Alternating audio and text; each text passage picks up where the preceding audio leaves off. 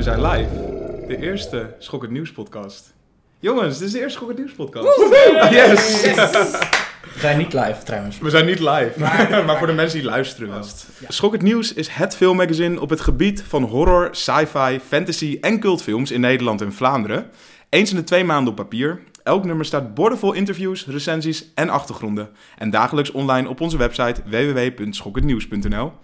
En verder ook nog op Facebook, Twitter, Instagram en vanaf nu dus ook één keer per maand als podcast. En leuk dat je luistert. Het is de eerste keer vanuit een heel klein kamertje en het is hier bloedheet. Uh, en naast mij zit de lieftallige Basje Boers. Dat ben ik. Ja, vertel, wie ben jij? Uh, ik ben Basje Boer. Ik ben schrijver van fictie, romancier zou je kunnen zeggen. Daarnaast schrijf ik ook over film en over kunst en nog heel veel andere dingen. Voor Schok het Nieuws? Onder andere voor Schok het Nieuws, zeker. Zeg nog eentje waarvan je nog meer schrijft.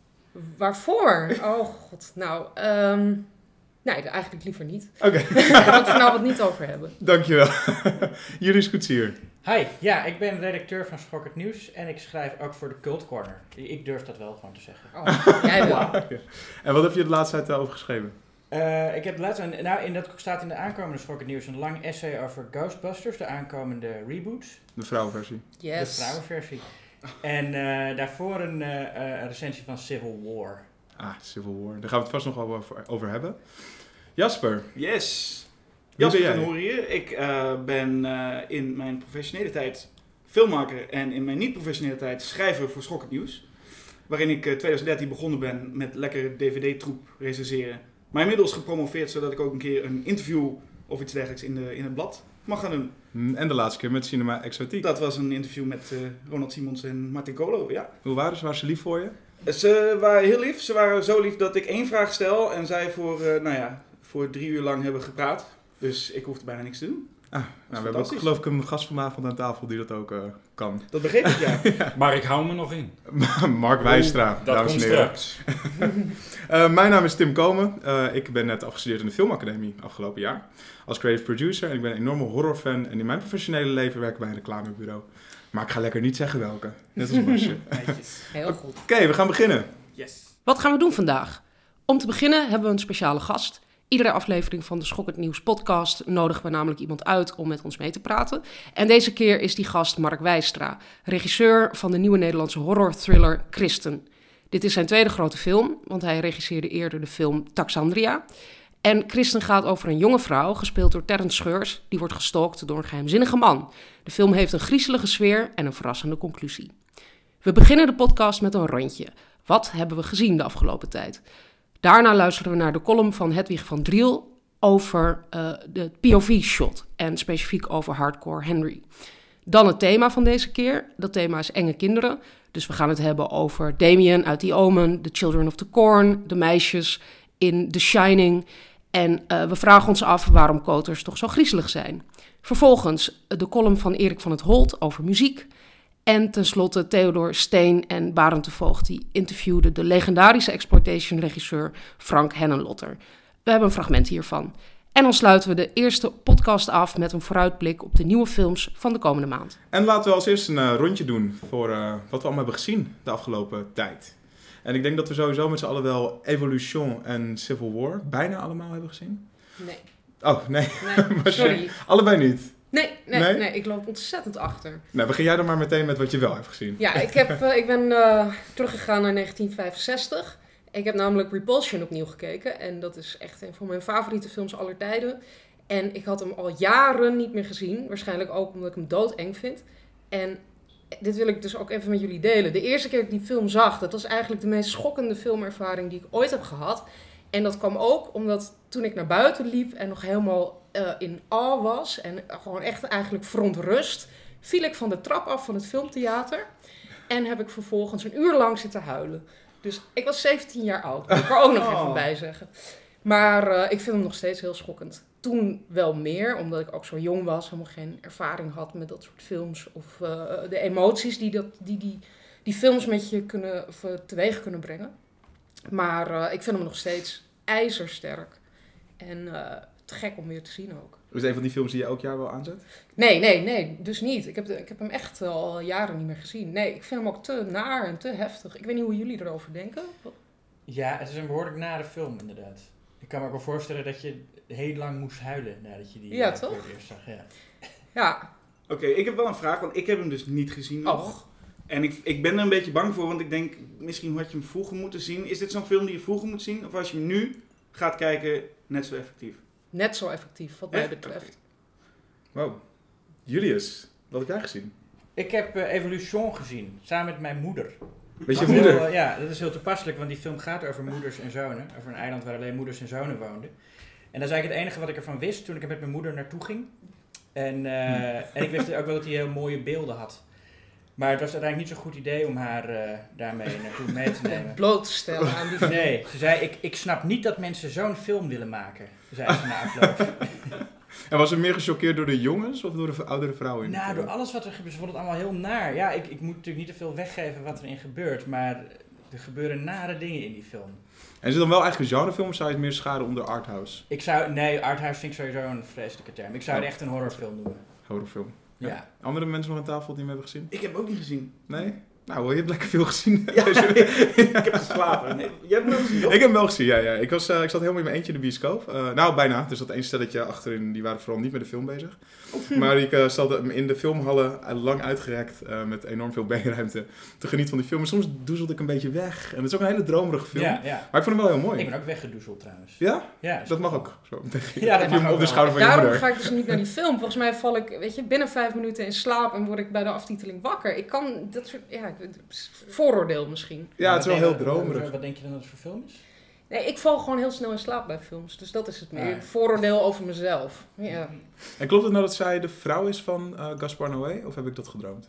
Dat heb je gedroomd. Tijdens de film waarschijnlijk. Oh, dat klopt wel. Dat is ook waar, maar je hebt het waarschijnlijk ook wel gedroomd. Ja.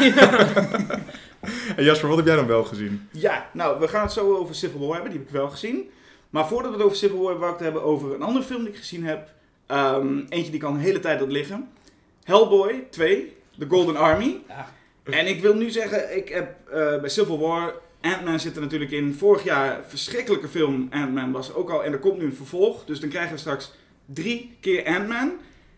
En we hebben nog maar twee keer Hellboy gehad. En ik heb nu de tweede film gezien. En ik denk echt, waarom is er maar zijn er maar twee Hellboy films? Ik snap het echt niet. Ja, maar dat personage deed het natuurlijk niet super, niet zo goed als alle andere Marvel. De eh. film schijnt het niet zo goed gedaan te hebben inderdaad. Maar als je de film ziet. Ik, en ik hoor- zie op internet nu heel veel mensen die... En ik snap ze nu ook echt. Waarom ze echt een Hellboy 3 willen. Sowieso omdat Ron Perlman natuurlijk niet heel lang meer meegaat waarschijnlijk. Ik hoop het wel. Heb je inside information? Hij, nou, hij, hij zei zelf dat hij, als hij 70 was, volgens mij wilde hij het niet meer gaan doen. En hij is volgens mij al 70 geweest. Dus ik, maar hij wil het misschien nog wel doen als Del Toro het wil doen. Maar Del Toro heeft volgens mij 600 andere projecten. Hm. Maar echt, ik, toen ik die film zag, dacht ik... Waarom is er niet meer Hellboy? Waarom zijn er niet meer Hellboy films? Want ik vond die tweede ook, ja, echt heel goed. En is het zijn beste film van Del Toro? Nee, het is niet de beste film van Del Toro. Ik vond zelf, ik, je zag echt perfect dat hij tussen Pan's Labyrinth en Pacific Rim in zat. Want het was de, de, de creativiteit, vond ik, van eh Pan's Labyrinth. En natuurlijk wel echt enorm veel actie. En het, het, het, het werkt. Het personage werkt. Het is op, eh, ik weet niet of ik mag spoilen. Hebben jullie gezien? Eh, ja, ik, ik wel. Nee. Nee. Ik ook niet. Oké, ik ga één scène even gewoon zeggen. Dat vond ik zo tof. Je hebt daar natuurlijk allemaal superheldenfilms en geweld en de actie, spektakel is allemaal perfect. Dus één scène waarin Hellboy en zijn eh, collega eh, dronken gaan worden. Gewoon een biertjes gaan drinken en met elkaar lullen. En dat is zo'n leuke scène. Dat je denkt, dat is nou net wat ik wil zien. En Ja. dat wil ik gewoon meer zien. Ik wil gewoon nu nog, nog een film, Hellboy 3. Ik wil gewoon de hele tijd dat Hellboy dronken is. En gewoon lekker daar aan In het de oude hangt. in de kroeg hangt. Ik wil gewoon dat personage in de kroeg hebben. En ik hoef niet nog een keer Thor deel 4. Ik hoef geen Wonder Woman. Ik wil gewoon nog een keer een Hellboy. En liefst nog drie of vier. Dus Ah, ik, ja, wat mij betreft, maak er nog een paar. tof. Ik ben helemaal geen fan van Del Toro. Ik ben geen fan van Pan's Labyrinth vooral. Ik vond dat, ja, ik zat in de zaal om me heen, hoorde ik hoe iedereen erin meeging. En ik zat een soort van, een beetje zo te braken. Ik vond het heel sentimenteel. Ik vond het, eh, nee, ik vond het echt kitsch eigenlijk. Ja, en zijn er andere Ja. films dan? Bijvoorbeeld Devil's Backbone? Is dat iets Ja, ik ben toen ook gewoon een beetje opgehouden met Del Toro. Ja, Ja. dat, ik dacht, nee, dat, ik, weet- ik weet het. Ik, klaar. mm, Maar toen je nee. de, de Pale Man zag met zijn handen. Dat, eh, was, dat vond ik het enige vette Dat moment toch- uit. Dat was heel goed. De rest kon je voor mij weggooien. Oké, geen fan dus van. Nee. Wow. Ben je fan van House of Wax? Die, uh, de film met Paris Hilton? ik ben wel heel... Die heb ik nooit gezien, maar ik, dit wil ik wel hoor. Ja? Ja, ja. ja nou ja, ik uh, heb hem afgelopen week weer eens gezien. En? het is niet de allerbeste film die ooit is gemaakt. Weer eens, dus je nee. hebt hem een tweede keer gezien? Ja, oh, ik denk misschien al voor de derde keer. Ik, ik weet wel dat ik hem ooit in de bioscoop heb gezien. Wow. Maar nee, en ik ben een beetje fan van slashers en dat vind ik heel leuk. En ik moet eigenlijk eerlijk zeggen dat ik deze House of Wax helemaal niet zo heel slecht vond. Behalve alle scènes met Paris Hilton. Ik ben niet eens anti-Paris, maar mm. zij is gewoon niet heel erg goed in deze film. Ja, of in, überhaupt in welke film dan had je gedacht? Ja, ja. Ik vind het zo cynisch. Zij zat toch ook alleen maar in die film zodat mensen konden kijken hoe ze doodging en daarom zouden ja. juichen. Zo'n cynische zo casting vind ik dat. Zit in de film ook niet zo'n stukje, dat begint het niet ook met dat ze gefilmd wordt terwijl ze seks heeft, dat je echt meteen denkt, ah ja. Heb je de film gezien of niet? Want dat begint het echt mee. Ja, ja, ja. oh, dat is oké. Okay, ja. heb ik gezien, zeker. Oh, goed zo. Ja, ik, dat ik wil nog even zeggen dat ik de origineel met, met Vincent Price beter vind. Dat moet ik even nu zeggen. ja. Maar ik geef toe, stiekem was House of Wax helemaal niet zo heel slecht. Ik, die, nee. de, de, remake. Ik, ja, het is, ik was ook een, uh, dus de making-of ben ik daar nou ook heel fanatiek nog gaan kijken. En um, dat, daar zie je ook in dat ze die, dat hele stadje van, van, van wat van Wax is, hebben ze helemaal gebouwd. En het heeft echt miljoenen gekost en superveel, uh, superveel tijd. Maar wel onwijs interessant om te zien hoe ze gewoon enorme sets gewoon uitrammen. En daar is allemaal in vlam opgegaan natuurlijk voor die film. Ja. Ik denk dat je de enige uh, bent die de making-of van House of Wax hebt. ja, wow. dat we het binnen 10 minuten over House of Wax hebben is eigenlijk ook best, best bijzonder. Vind ik heel ja. goed, ja. ja ik vind het... ik, prijs dat. Ja. ja. nou, laten we teruggaan naar de superheldenfilms. Uh, Civil War. Ja. Wat vonden we daarvan? Ik vond het gewoon weer een Marvel film. Ja? Met als enige verschil dat ik me tijdens de finale niet heb verveeld. Het is de, de, voor mij de eerste met een finale waarin mensen elkaar niet dood proberen te maken. Iedereen wil elkaar eigenlijk in leven laten. Het is gewoon een soort uh, ruzietje tussen vrienden. En dat vond ik wel verfrissend. Maar verder was het dezelfde grapjes, hetzelfde uiterlijk, dezelfde kleuren. Het was, ja, weer een, weer een deel in de televisieserie uh, Marvel. Uh, Eindeloze tv-show. Ja. Maar het was toch wel duidelijk wat anders dan, dan, dan wat we het jaar daarvoor kregen met Ant-Man en, en, en Age of Ultron. Nee, zeg je daar geen kwaliteitsverschil? Als ik dit vergelijk met Thor The Dark World, dacht ik echt, oké, van alle films die Marvel tot dusver gemaakt heeft, wat niet heel veel goede zijn, was dit wel echt toch duidelijk nee, hij, was, hij was wel beter, maar hij was stilistisch gezien het hetzelfde als al die anderen. Hmm. En dat vind ik zo gek. Maar het is eigenlijk de studio is nu de auteur geworden. Het is niet meer dat iedere regisseur een eigen identiteit uitdraagt. Maar dat was bij de laatste, sorry, dat was bij de laatste um, Captain America Winter Soldier, zeker. Daar was het echt gewoon een soort van um, ja, spy-film ja. ja, maar goed, wel ook in de, in de Marvel-stijl. Ik bedoel, visueel en stilistisch was het allemaal toch zoals uh, Marvel altijd is. Ja, dat vond ik heel fijn. Maar zeker nadat, misschien omdat ik nou niet zo lang daarvoor Batman v Superman had gezien en blij was met het oh, nee, Marvel. Ja. Tuurlijk. Sfeertje. Dat ik dacht, gelukkig, het is ja, er nog. Het is er nog. Ja. Ik, maar nu komt X-Men volgende week uit. Dat is dan niet echt een... Uh, nou, tenminste ook. Sorry, ik, ik, ik, ik oordeel even op de trailer, maar dat ziet er heel erg plastic uit. En misschien nog wel erger dan Batman vs. Superman. Nou, dat, dat geloof ik dan ook weer niet. Nee, ik, was niet ik ben een groot X-Men fan van de films. Uh, maar deze trailer heeft me niet 100% overtuigd. Maar ik kan me niet voorstellen dat het een Batman vs. Superman gaat worden. dat hoop ik toch echt niet. Oké, okay, zo nog steeds Marvel-fan hier aan tafel. Nou ja, ik, ik, ik haat DC absoluut niet. Maar wat ze nu hebben gedaan, ik, ik kon er helemaal niks mee. Maar ik kon ook wel niks met Man of Steel, die heel veel mensen wel goed vonden hmm. schijnbaar. Maar ik want ik hoorde afgelopen week hoorde ik dat ze Suicide Squad, dat ze daar nu reshoots voor gaan doen, omdat de trailer er toch wel luchtiger uitzag dan, uh, dan de film uiteindelijk ja, gaat worden. ze gaan reshooten om, om de toon van de film te veranderen. Dat werkt altijd goed. Ja, dat werkt altijd goed. Goed, goed, goed idee. Die toon doen we er op het einde nog even in. Dus we weten straks bij elk grapje weten we, ah, die is er later even inge... Nou ja, als het, het kan werken. Het kan werken en dan, ja, waarom niet? Nou ja, het is zo gek dat ze denken dat Batman v Superman het minder goed gedaan heeft dan ze hadden gehoopt, omdat hij te duister was. Terwijl nou de reden dat hij het minder goed heeft gedaan is gewoon dat het, dat het niet goed was. Nou, maar dat duisteren zijn we dat niet heel erg zat. Ik ben dat heel erg zat, maar ik weet niet wat jullie daarvan vinden. Nou, ook duister is op zich nog steeds prima. Maar de manier waarop ze dit... Ik bedoel, want ik vond het niet eens zo erg dat hij duister was.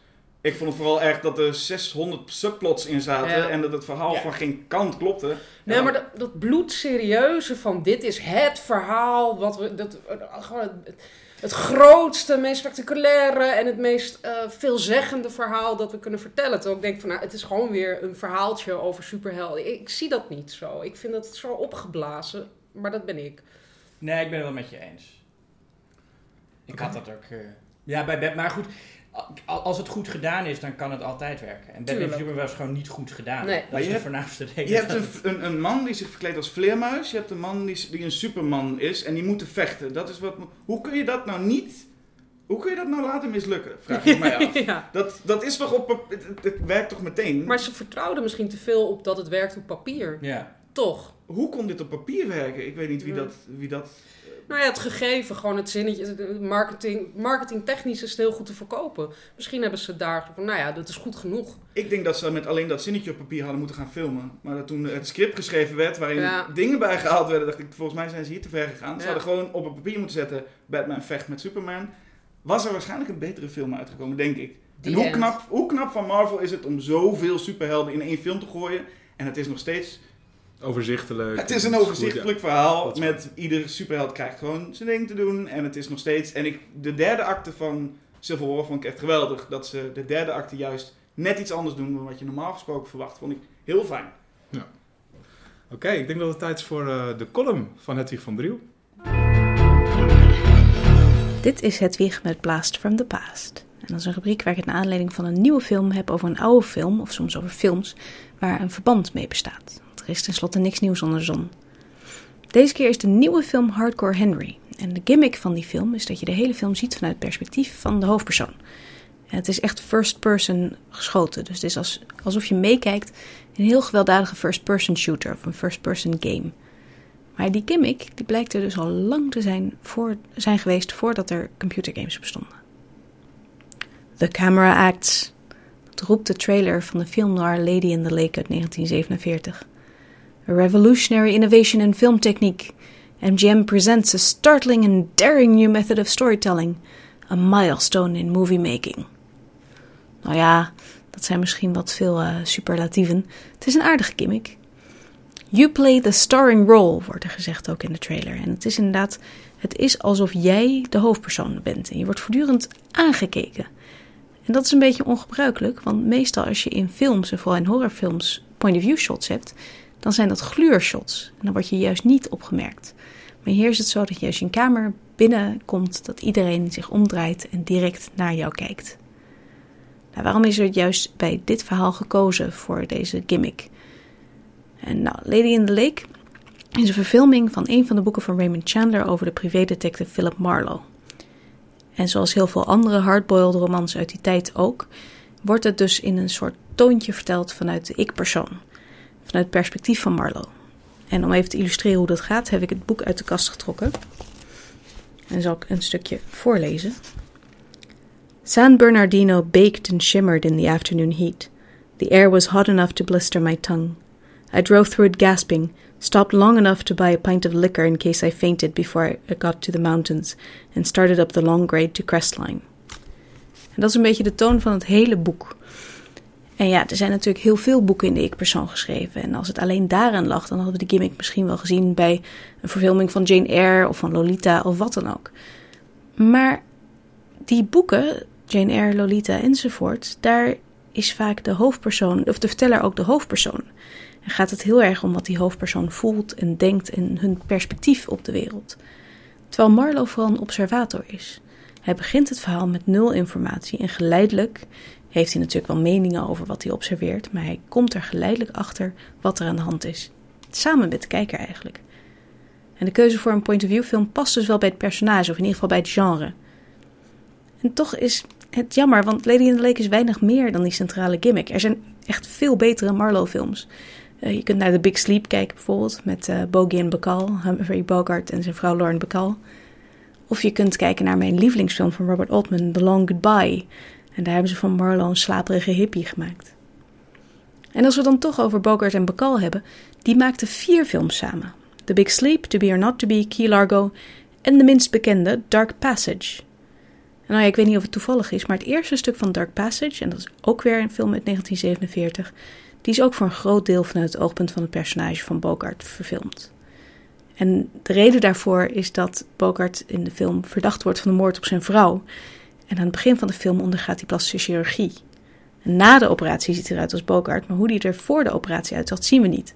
Je zou een andere acteur kunnen casten, maar ja, als je vanuit zijn perspectief filmt, dan krijg je ook niet te zien hoe hij eruit zag, natuurlijk. En je zou denken dat door het filmen via de ogen van een personage dat je een soort realisme krijgt. Maar we zijn natuurlijk gewend aan filmgrammatica zoals die is. Dus het voelt helemaal niet natuurlijk. Door je eigen ogen kijkt toch anders en je krijgt dus een soort vervreemdend effect. En daardoor leent dat soort shots, dus echt die point-of-view shots, waarbij mensen ook jou bekijken als personage, dat leent zich vooral voor stukken film waar een personage heel gedesoriënteerd is. Of informatie maar ten dele krijgt. Je ziet het bijvoorbeeld heel veel als mensen wakker worden nadat ze flauwgevallen zijn. Dan krijg je dat soort POV-shots. En daarom kun je ook wel snappen waarom Hardcore Henry voor deze gimmick is gegaan de hele film lang. Want daar is de hoofdpersoon aan het begin zijn geheugen kwijt. En hij heeft dus precies hetzelfde hoeveelheid informatie als de kijker, namelijk bijzonder weinig.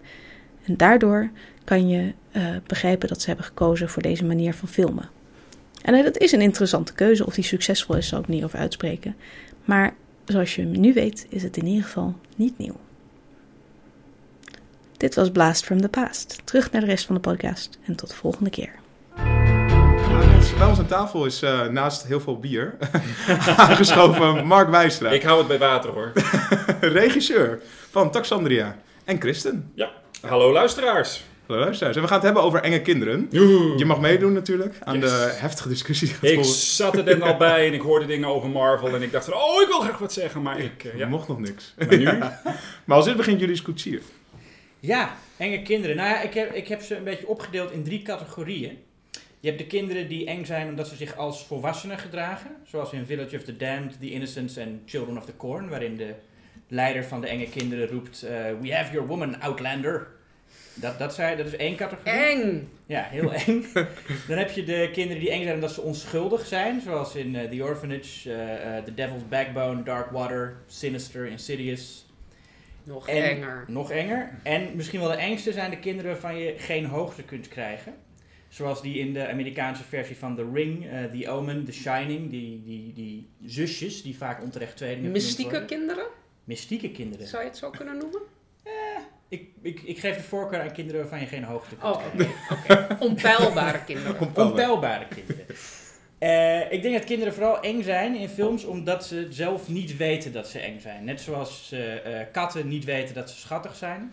En slangen ook niet weten dat ze eng zijn. Dat, dat maakt ze schattiger en enger. En dat maakt kinderen ook zo eng. Dat ze zichzelf onbewust zijn van hoe eng ze zijn. Als je gaat proberen eng te zijn, dan lukt het vaak ook niet. Door van die luidruchtige monsters, Godzilla is natuurlijk ook niet eng bedoeld, maar die is ook niet eng. Dus het is eigenlijk gewoon hoe wij de kinderen zien. Hoe eng wij ze Ja, vinden. en dat ze het zelf niet weten. Ja, dat is een uh, goed... Uh... Jasper, je zat een puntje op je, van je stoel. Nee, ik wil oh. zeggen dat ik het daar helemaal mee eens ben. Dat is niet zo'n goede discussie natuurlijk. Maar en daarom, en daar wil ik bij aanhaken, daarom zeg ik ook, en misschien is het vloek in de kerk, Reagan uit The Exorcist vind ik totaal niet nee, eng. Niet nee, eng. Niet. niet eng. Wat vind jij, Mark? Uh, of ik Reagan uit The Exorcist eng vind? Um, nee, maar het is meer het idee erachter wat ik eng vind uh, dan de desbetreffende uh, ja, personage eigenlijk. Het is meer dat, ik ben nu va ik ben vader, dat je eigen kind kan verdwijnen, iemand anders kan worden, de, de ziek kan worden. Een van de gruwelijkste scènes uit The Exorcist vind ik niet zozeer Your mother sucks cocks in hell. Uh, uh, ik weet niet of ik dat mag zeggen trouwens. Natuurlijk. Maar uh, het zit in de film. maar de ziekenhuisscènes. Oh ja. Ja, die vind ik, uh, waar zij zo'n uh, injectie krijgt in de nek. En, Ja. en de hele van die ratelende foto's. Ook de heel erg briljant uh, sounddesign. Dat is naar, dat is afschuwelijk, dat is echt. Voelt ook heel realistisch. Ook briljant aspect uit die film, hoe realistisch hij in het begin voelt. En eigenlijk totaal fantasy eindigt. Maar doordat hij zo realistisch begint, slik je dat einde als echter, Maar denk dat, ik. ik, ik las jou, het interview met jou op Mhm. de site van Schok het Nieuws. En dan zeg je ook zoiets over jouw film. Ja, maar hetzelfde zou ik ook zeggen van, je had het net over Repulsion. Wat ik zo geniaal vind aan Repulsion is eigenlijk ook dat. Ja, Het is een film over waanzin, maar ehm, het, het, het heeft een opbouwende toon. Zoveel films die je ziet, eh, zeker horrorfilms, die beginnen meteen met van een toon zetten van dit is een horrorfilm en de toon blijft redelijk hetzelfde. Ja. Het plot ontwikkelt zich. Uh, maar die Exorcist, Repulsion, ook mijn film, vanwege een reden waar we misschien later nog over zullen hebben, uh, ontwikkelt zich.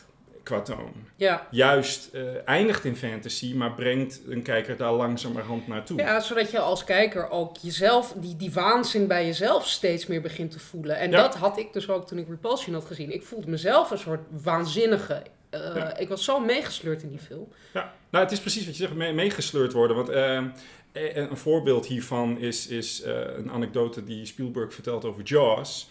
Eh, hij had dan een hele discussie met de schrijver en hij had een idee over het einde. Van oké, en dan heeft haai, zei Spielberg, een gastank in zijn bek en dan, en dan, en dan eh, zwemt hij weg en dan zwemt hij toch weer terug en de boot die zinkt en de man die, Roy Scheider zit dan op de, de, de paal en een smile, you son of a, en schiet hij, dit Ja. explodeert. Waarbij de schrijver zei, belachelijk. Ja. You've got to be kidding. Dat slaat nergens op. En als je er ook serieus over nadenkt. Ja. It, it doesn't, it, it fucking be- belachelijk. Ja, maar het is een Maar- briljante scène.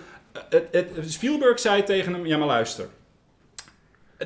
Tegen die tijd heb ik mijn kijker. Ja. Want die gelooft in deze film. Die gelooft in die karakters door eh, fantastische... Wat Spielberg zeker in die tijd briljant kon. Van die kleine scènetjes tussen hem en zijn kind aan tafel. En de, de Indianapolis speech van Quint. Waarin hij vertelt over zijn traumatische oorlogverleden. Daardoor zit je in een soort van geloofwaardige toon. Dat als je eenmaal bij dat fantasy over de top einde bent... Je, je- je Ja. zit erin. Hij Maar- heeft je als verteller. Maar maakt het kinderen enger op het moment dat de film dus hoe des te realistischer is, de, de film is, des te enger het kind is? Het moeilijke is natuurlijk dat wat is eng is hetzelfde als wat is grappig. Naar mijn idee is dat natuurlijk vrij, eh, eh, eh, noem je dat, persoonlijk. Al zijn er natuurlijk wel trends te zien. Eh, het- wat ik vooral zie, en dat herken ik eigenlijk vooral in je laatste punt, dat bij wat de meeste mensen, inclusief ik, het engste vinden, is hetgene wat projectie toelaat. Mhm. Eh, eigen projectie. Daarom hebben heel veel moordenaars maskers. Omdat je daar niet achter kan kijken. Eh, daardoor vond ik persoonlijk eh, het meisje van de originele Ringu enger dan de Amerikaanse Ring. Want in de Amer- Amerikaanse Ja. Ring zie je een gewoon meisje. Ja. Vol, duidelijk, gewoon meisje. En dat was, hè, is dat de dreiging? Terwijl Ri- Ringu, de originele, het is nu een cliché geworden met dat haar en de dingen. En, dan zie je, Ja, ziet het wel in een korrelige beelden. En het is hoe vroeger, maar je, je, ja, ja, je wil het zien, maar je, je kan het niet zien. En dat maakt het juist eng. Ik noem haar trouwens niet omdat zij eh, geen kind is in die film. Oh, is, uh, Dat is de reden dat, dat, ik, dat ik Sadako niet zei, maar wel eh, Samantha uit de ring. Ja. Ja. Omdat Samantha was, is jonger. Is dan een paar jaar jonger, ja. Ja. Ja. Weet je, wa- waarom is daarvoor gekozen, denken jullie? Omdat het enger Dat het is. enger is? Ja? Omdat zij dachten dat het enger zou zijn, ja. Ja. Ja. Die Nou, dat is een soort van cliché. Ja, het, het- de enge kinderen, dat is ook een soort van cliché-ding. Ja, nee, dat is het. Er zijn ook maar zoveel dingen die je kan gebruiken als antagonist. Als slechterik, als bad guy, zeg maar. We hebben de demons, geesten, seriemoordenaars, kinderen, bejaarden, Ja. mannen, vrouwen. En dan ben je er bijna wel doorheen. kan dat- Hysterische vrouwen. Hysterische vrouwen. Kan een, een protagonistkindje eng zijn? Eh, dat zegt bijvoorbeeld The Shining of The Sixth Sense. Als je van Danny bedoel je, de, Ja. de hoofdpersoon. Ja, want hij doet natuurlijk wel dingen die misschien... een vrij freaky kindje Ja, trouwens hoor. Met zijn red rum, red rum. Maar we rooten Ja, wel voor hem door de film. Ja, ja. Maar, ja, maar dat is ook wel weer... Ja. Ik weet het eigenlijk niet, want Kubrick, ik ben wel een fan van Kubrick, maar Kubrick vind ik eigenlijk niet zozeer... Wat, Spielberg briljant kan, is eh, door de ogen van een karakter iets beleven. En, en Kubrick is meer een... Is het niet vanuit de karakters, maar meer vanuit bijna de regisseur een film bekijken. En da- daar, ja, ik vind The Shining fantastisch. eh, maar niet vanuit de karakters bekeken, meer vanuit de visualisatie bekeken. En het Maar blijkt natuurlijk is- heel erg dat eh, als we het over The Shining hebben en je praat over enge filmkinderen, dan komen de, Grady, de Grady meisjes. tweeling, die komen meteen. En hoeveel, Ja. hoe lang zijn die in beeld? En iedereen kent, dat beeld. Ja. En Twee come play with us, Danny. Twee kleine onschuldige meisjes in die schattige jurkjes staan daar in midden in dat hotel en dat is eng. Maar ze zijn super eng uitgelicht en een beetje volgens mij van onder ook gefilmd. En met van die schaduwen onder hun ogen. En juist dat het zo kort is, dat werkt Ja. natuurlijk super goed. Dat zijn die onpeilbare kinderen. En toch hebben we dat beeld blijkbaar niet heel goed in ons hoofd. Want jij noemde ze net weer een tweeling. Terwijl je ziet Ja. dat, het, dat ze niet even oud zijn. Ja. Nee, maar het is wel een tweeling toch? De Nee, het zijn de- We zijn wel de- hetzelfde gekleed. Maar het De zijn, een is, is, is veel korter dan de andere. Ze Oh, er ja? totaal anders het uit. zijn is wel zusjes, maar ze zijn als de, de, de, de Grady zusjes dan. Ja, de Grady zusjes. Ja. Ah, oké. Dan is Maar- het omdat ze precies hetzelfde gekleed Ja. zijn dat iedereen... Ze hebben geen duidelijk aanwijsbare identiteit. Het zijn Nee. van die anonieme jurkjes, anonieme kleding. En het ze zijn inderdaad wat aan elkaar of behoorlijk aan elkaar gespiegeld. Dus zelfs ook al zie en je ziet ze inderdaad kort, maar het, het is nog steeds dat idee, je krijgt daar geen grip op. Je ziet niet, zoals bij The Ring, de Amerikaanse project hebben, oh dat is een Mhm. gewoon mens. Ja. Ja. Want dat maakt het dan voor mij persoonlijk, en ik denk voor vele anderen, eh, minder eng. En ze Zeker. komen ook nog elke keer plotseling. Elke keer als ik The Shining kijk, je hebt die scène waar Danny over die tapijt eh, aan, het, aan het crossen is op zijn fiets. Dan weet ik niet wanneer die tweeling om de hoek zal komen. Ik heb Nee. The Shining er twintig keer gezien, maar elke keer verrast het me opnieuw dat ze daar opeens staan. Ja. Dat is dan toch Ja, een soort heel knap montageding, dat het een soort van net... Het gaat net iets te lang door. Ja. Ja, je Hij krijgt is net geen grip op hoe lang die net iets te lang niks. Je hebt ook dat, dat ritmische, dat hij eerst over de tapijt en dan Ja. over de grond, waar Zo je een beetje in wegdroomt. Ja. Ze Laten hebben we het zo zeggen, want, want natuurlijk Kubrick deed dat fantastisch, die sfeer neerzetten. Stel nou, we draaien de scène zo dat eh, Danny rijdt daar, hij fietst daar op zijn kleine, kleine fietsje en ineens staat daar een man. Met een wat voor masker dan ook. Zou die scène, want de opzet is precies hetzelfde, muziek is hetzelfde, alles is hetzelfde, maar er staat in plaats van een klein meisje een man. Zou de scène nog steeds effectief zijn? Het zou een stuk minder eng zijn, omdat die man, daarvan heb je een soort rationele reden om te verwachten dat er een volwassen man in een hotel zou zijn. Dat kan een inbreker zijn, of dat kan, weet je wel, iemand zijn die daar om een, om een, om een legitieme reden is. Nou, en de, de, de engheid is ook wel... De, oh ja, een enge man die gaat enge dingen doen met dat jongetje. Maar die meisjes, wat gaan die doen? Het is Ja. veel meer... Je weet niet precies wat, je kan het niet grijpen. En daar zit... eh, dat is gewoon super eng. Ja. Dat, het is dat het nachtmerrie gehalte. Want wat, wat- persoonlijk, wat ik de engste scène vind uit The Shining, is eh, de badkamerscène. Ja, Waarin eh, Jack Nicholson gaat kijken bij die kamer, Zo de kamer eng. met dat nummer, ik ben het nummer vergeten.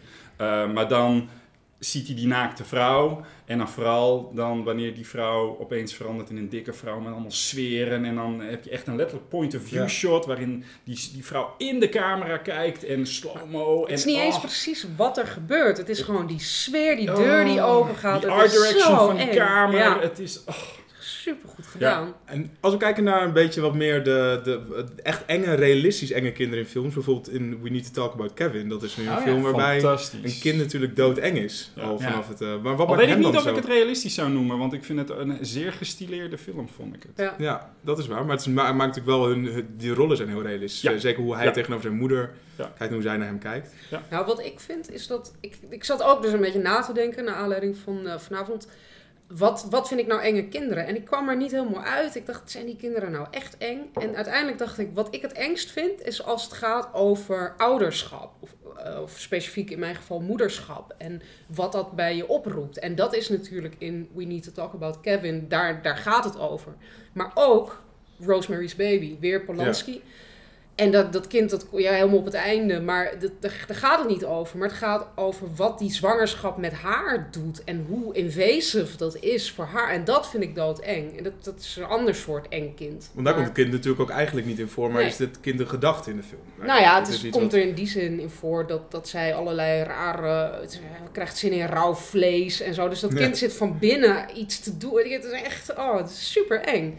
Dus ik dacht, dat is dat, dat ouderschap... En dat komt heel vaak terug in horrorfilms. Dat, ehm, wat was dat ook weer? Die film een paar jaar geleden. Heette die nou ook Mama? Of Ja, Ja, Ja, mama. Ja, mama. Met die twee meisjes. draaide dan ook weer zo om. En eh, ja, dat zie je toch zo vaak terugkomen in horrorfilms. Ik vind dat heel interessant. En eh, het is denk ik direct gelinkt aan die enge kinderen. En vinden jullie dat er altijd een verklaring moet zijn waarom kinderen eng zijn in films? Of kan een kind ook gewoon psychopathisch zijn? Nou, ik denk dat laatste. Ja? Hoe, hoe minder verklaringen, hoe enger dingen zijn, toch? Beste Ja. voorbeeld is toch eh, de openingsscène van Halloween, waarin het Oh ja. jongetje Oh. zijn masker wordt afgetrokken en je denkt, dit is een gewoon kind. En Ja. hij kijkt wat, wat, wat vaag, kijkt, kijkt hij, kijkt hij. hij kijkt met een hele vage, nou ja, Ja. Rob Zombie heeft in de remake geprobeerd om de helft van de film te verklaren waarom die Ja. Michael Myers Maar eigenlijk... maakte dat eh, enger? Maakte dat, de Dat film werkte enger? totaal niet. Vind je, dat, En- vind je dat? Ik vond het dus best wel goed werken eigenlijk. Vond je dat werken? Ja, ik vond je, je het- vond het het- werken dat, dat toen Michael Myers eenmaal een volwassen man was, dat we wisten dat het eigenlijk een getraumatiseerd jongetje met een stripper als moeder en een dronken vader en een... Al van die clichés. En je ziet dan zo'n grote Ja. man overal. En dan denk je, dat, ik, ik snap precies wat hij die man nou allemaal doormaakt. En je, hebt, je kent hem nog als dat, dat irritante mannetje wat het ook was als, als kind. In de oorspronkelijke Halloween, je, geen idee. Het was ook een heel normaal jongetje. Het was Ja. perfect. Oké, Het ja, was dat alleen waar. dat jongetje, hij kijkt een beetje gek uit zijn ogen. Bam, we gaan naar eh 23 jaar later geloof ik. En hij heeft een masker op en we zien niks. We weten niks. Het is een... Maar Ik- vond je het eng zeggen- of vond je het chockerend? Want dat vind ik wel ook een verschil. Want eh, we need to talk about Kevin en dat idee dat je een kind kan krijgen waar je gewoon geen liefde voor voelt of waar je geen link mee hebt, die gewoon zelf ook niet in orde is, vind ik een gruwelijke gedachte. Maar niet eng in de eng film, ja, in, in, in die zin waar we het denk ik over hebben. In Ja, de Shining manier, zeg Nee. maar. Het is dan meer een psychologische thriller. eh, we need it, of psychologisch drama. Nee, ander soort eng inderdaad. Want hetzelfde vond ik bij dat kindje bij eh, Halloween. Van, oh wauw, het is een kindje. Maar dit is meer chockerend dan dat ik dat eng... Was een verrassing, want je zag toch eigenlijk al een klein Ja, wel. met Wat een heel raar iets is, dat hij gewoon al stekend opeens Ja, dat zijn eigen hand gaat kijken. Maar sowieso, als hij dat masker pakt, dan denk je wat een belachelijk lange arm heeft dit kind dat hij dat masker kan pakken. Maar nee, je wist dat volgens mij, het was niet zo shocking. Het was vooral dat er geen uitleg gegeven wordt. En zeker bij een film waarin een kind een moord pleegt, verwacht je nu, zeker in deze tijd, verwacht ik overal mensen die daar stickers op plakken waarom dat dan zo is. En het Ja. feit Ja. dat je gewoon een kind laat zien Ja. en zegt, ja, deze heeft gewoon zijn zus vermoord, Ja. deal with it. Ja. Dat, dat is bijzonder effectief. Ik vond het wel eng. Ik, vond het, ik vind het een ik- ja, hele enge openingsscène. Ook ik zag weer een beeld terug. En ik dacht, oh, dat is creepy. Het is gewoon, ik weet niet. Het is een heel naar gevoel geeft dat. Lekker. Ja, Ja, ook door de manier van draaien. Want het is één lange point-of-view shot waarbij Ja. je daardoor ge- gedwongen wordt je, nou, als het ware te identificeren met degene die dit doet. Ja. Maar je kijkt Dat letterlijk, dat is het, het, hetgene wat film kan en geen ander medium kan, is letterlijk dat point-of-view shot idee. Dat is letterlijk door de ogen van een karakter iets zien en zien hoe dat karakter iets beleeft. Maar toch hebben we daar nooit echt begrip voor in Halloween. Als dat masker helemaal afgaat en we kijken hem zeg maar, in zijn ogen, dan, hebben we niet, dan snappen we niet opeens waarom hij dat... We hebben net de hele tijd door zijn ogen gekeken. Maar, als Maar dat is de vraag, zien- moeten we het snappen? Want we leven Nee, wel in een tijd niet. waarin inderdaad over het algemeen in film eh, veel meer de neiging lijkt voor, oh het moet wel uitgelegd worden. Het Ja, maar is zelfs bij Halloween is volgens mij het punt zelfs dat niemand snapt het. Zelfs Donald Pleasance als de dokter die hem zo lang snapt het niet. Nee, moet op een gegeven moment als psycholoog maar toegeven, hij is gewoon evil. Ja, Hij heeft gewoon, slechte eh, psychiater. Ja. Het is een slechte psychiater. Het is een van de quotes die ik nog een beetje in mijn hoofd heb zitten van I first met him 15 years ago. I was told there was nothing left, no Yes. reason, no conscience, no understanding of right and wrong. Yes. En misschien de reden waarom... Bla bla, en hij gaat nog verder. Oh. Maar dat maakt hem ook weer heel onschuldig. Dat is ook het, het fijne aan Ja. Michael Myers. Dat je ziet, als, als, je, als je dat kind ziet, dan zie je ook de onschuld en de Ja. verbazing in zijn ogen. Ja. Hij weet niet dat hij eng is. Ja. Nee. Nou, ik vond het dus toch best een... Om nog even terug te komen op de Rob Zombie eh, eh, remake. Ja. Vond ik het toch echt? ergens... eh, Doe maar. Doe vond maar. je dit echt zo'n slecht? Ik vond Ja. hem dus niet Oh. zo... Ik- Ik, vond het in ieder geval... Ik vond het sympathiek vond, dat hij probeerde iets anders te doen dan dat het origineel was. En dat hij juist is dacht, laat ik een, een, een, in ieder geval een originele spin, het, het begin eigenlijk gewoon een halve Maar- film van Maar laat ik Ik- er laat, Maar ik snap dat het cliché. Het was laat een ik de cliché honderd Rob strippermoeder. Zombie-achtige rednecks Ja. ingooien. En de een is dronken, de ander slaat. En hij, en hij heeft geen kans, die arme Michael Myers. En zo wil je toch niet naar, een, naar, naar Michael Myers kijken? Je wilt toch Nee, niet... maar Denk dat eens is na dat je de originele Halloween gaat kijken en de hele tijd denkt als hij daar heel op de achtergrond staat met, oh wat is het ook een zielige man eigenlijk. Ik snap Maar je wel. me iets meer sympathiek voor. Maar ik weet, maar ik weet niet of je dat wil. Myers Nee, ja. sympathiek hebben? Dat lijkt nee, me- misschien is dat ook geen. Ik vond Halloween 2 trouwens wel heel goed, van Rob Zombie. Ja, dat- ik, en- ik dacht, hé, hey, de originele Nee, Halloween nee. 2. Rob Die ik ook Zombie Oh, dat is veel beter in vervolgen dan in delen 1. Ja? De Devil's Rejects en Halloween 2 zijn zijn beste films. Ik, ik, le- ik lees het vaker. Ik moet hem weer een keer Dan moet kijken. hij volgens mij heel snel vervolg gaan maken van alle films die hij nu maakt. Want volgens mij is het allemaal niet zo Nee, best. die... eh, Wat vonden jullie, als we het toch over vervolg twee. Hebben, want ik ben schijnbaar een van de enigen die dat ook een toffe film vond, eh, van Halloween 3, Seasons of the Oh, nee, dat ik. Ja, die vond ik heel tof. Fantastisch. En hij heeft geloof ik een niet bij 4.3 op. IMDb of zo. Ja, maar er is ook Maar maar ik reden vond waarom, dat- die, waarom die neergezabeld is. Maar natuurlijk. er is geen Michael Myers. Nee, Ja. Maar wat is die film goed? ik vond Ja, ik vond hem tof. Juist een Myers- aantekening. Ja. Daar gaan we het de volgende keer eh, over hebben. Laten we het hebben over de, de, de oermoeder van enge kinderfilms, The Village of the Damned. Die ik al heel erg lang niet meer heb gezien. Dus ik hoop dat jullie me een beetje kunnen toelichten wat, eh, wat, wat daar, hoe, hoe is dat verlopen? Gaan we het gaan we het hebben? Nou, laten we eens over het origineel hebben. Ja, wat zo eng is aan die kinderen is dat ze zich als volwassenen gedragen. Denk Ja. ik. Dat ze super Ah, ja, net, we zijn allemaal heel, heel netjes. En het zijn allemaal Arische kindjes natuurlijk. Wat in die tijd dan blijkbaar het beeld was van de, van de perfecte mens. Het idee is dan dat aliens hebben de vrouwen van een dorpje in Amerika bezwangerd. En daar komen dan eh, blonde, blauwe-oogige kindjes uit. Die gedachten kunnen lezen. Eh, en die zijn nog steeds best wel eng. Als, ik- als ik die film nu zie, dan vind ik die kinderen nog steeds best wel griezelig. Maar vind je dat ze ze als volwassenen gedragen? Ik vind dat ze, ze niet, zich niet als mensen gedragen. Mhm. En niet als volwassenen, Nou, want volwassenen hebben ook hun, Ja, wel... dingetjes. Ze- Zij zijn gewoon vlekkeloos. Ze zijn gewoon ze zijn zo na om te zien, want ze, Ja. Ze hebben geen eens emotie meer. Ja, nee, volwassenen is misschien niet het goede woord. Ze, maar ze, nou ja, ik bedoel, wat ik bedoel dus is ze praten beschaafder dan een kind zou doen. Ze gedragen zich precies. niet als Nee, kinderen. Ja. Ja, ja. Maar je hebt inderdaad gelijk, ze gedragen zich ook niet als, als mensen. Nee, dat ongrijpbaar. Ja. eh, ze- het, het, het is niet echt mens. Ze zien eruit als mens, maar eh, er is iets raars. Maar dat je is weet niet precies wat. Maar dat is ook zo eng aan van die misverkiezingen met kleine kinderen. Dat is ook doodeng. Vooral als ze zo'n gebit in hebben. Dan Oh. ze zo'n volwassen gebit. Oh, hou op. Dat is- daar kan je een hele goede is- horrorfilm ja. Je hebt nu het engste Ja. ooit heb je al Ja. te pakken gehad. Ja. Dus, eh, dus-. Hebben jullie wel eens dat, eh, op YouTube dat filmpje gezien dat Tom Hanks een soort van spoef heeft gemaakt op Toddlers and Tiaras, het programma van die enge Oh, kinderen? ja. En Oh, dan moeten ja, jullie echt ja, even gaan kijken, dat hij dan zijn eigen kind eh, opgeeft voor zo'n Ja. eh. Oh. Even off topic, maar dat is een heel Nee, ja. grappige... Ja, en dat hij ook eh, in, de, in de zaal zit en dan meedoet. ja, is Met ehm, Ron Howard zelfs, Ja. die zit er ook in. Ja. Ja. Oké, Heel leuk, leuk gedaan. leuk. Wat ik wel merkte, wat, wat, ik, wat ik ook zag, ehm, je hebt dan zeg maar de, de kinderen die zich bijna niet als mensen gedragen. Wat wel heel eng inderdaad zijn die te perfecte kinderen. Je hebt die, ik heb ehm, eh, de film Mikey, ik weet niet of iemand Nou, die nog Die wilde ik ook al gaan is- Mikey, en dan heb je eh, eh, Brian Bonsall, heb ik even opgezocht. Dat is het jongetje wat altijd in Family Ties speelde. En dat is zo'n perfect nee. schattig jongetje met sproetjes en zo'n mooi lachje. En die speelt daar dus gewoon een, een, een, een, een seriemoordenaar. Maar hij speelt dat met zo'n... Iedere keer lacht er, er komen nieuwe pleegouders die komen hem ophalen. En dan heeft hij zo'n mooi lachje en zo perfect. En dat, dat maakt ook heel... Wij weten allemaal als kijker dat het natuurlijk een psycho is.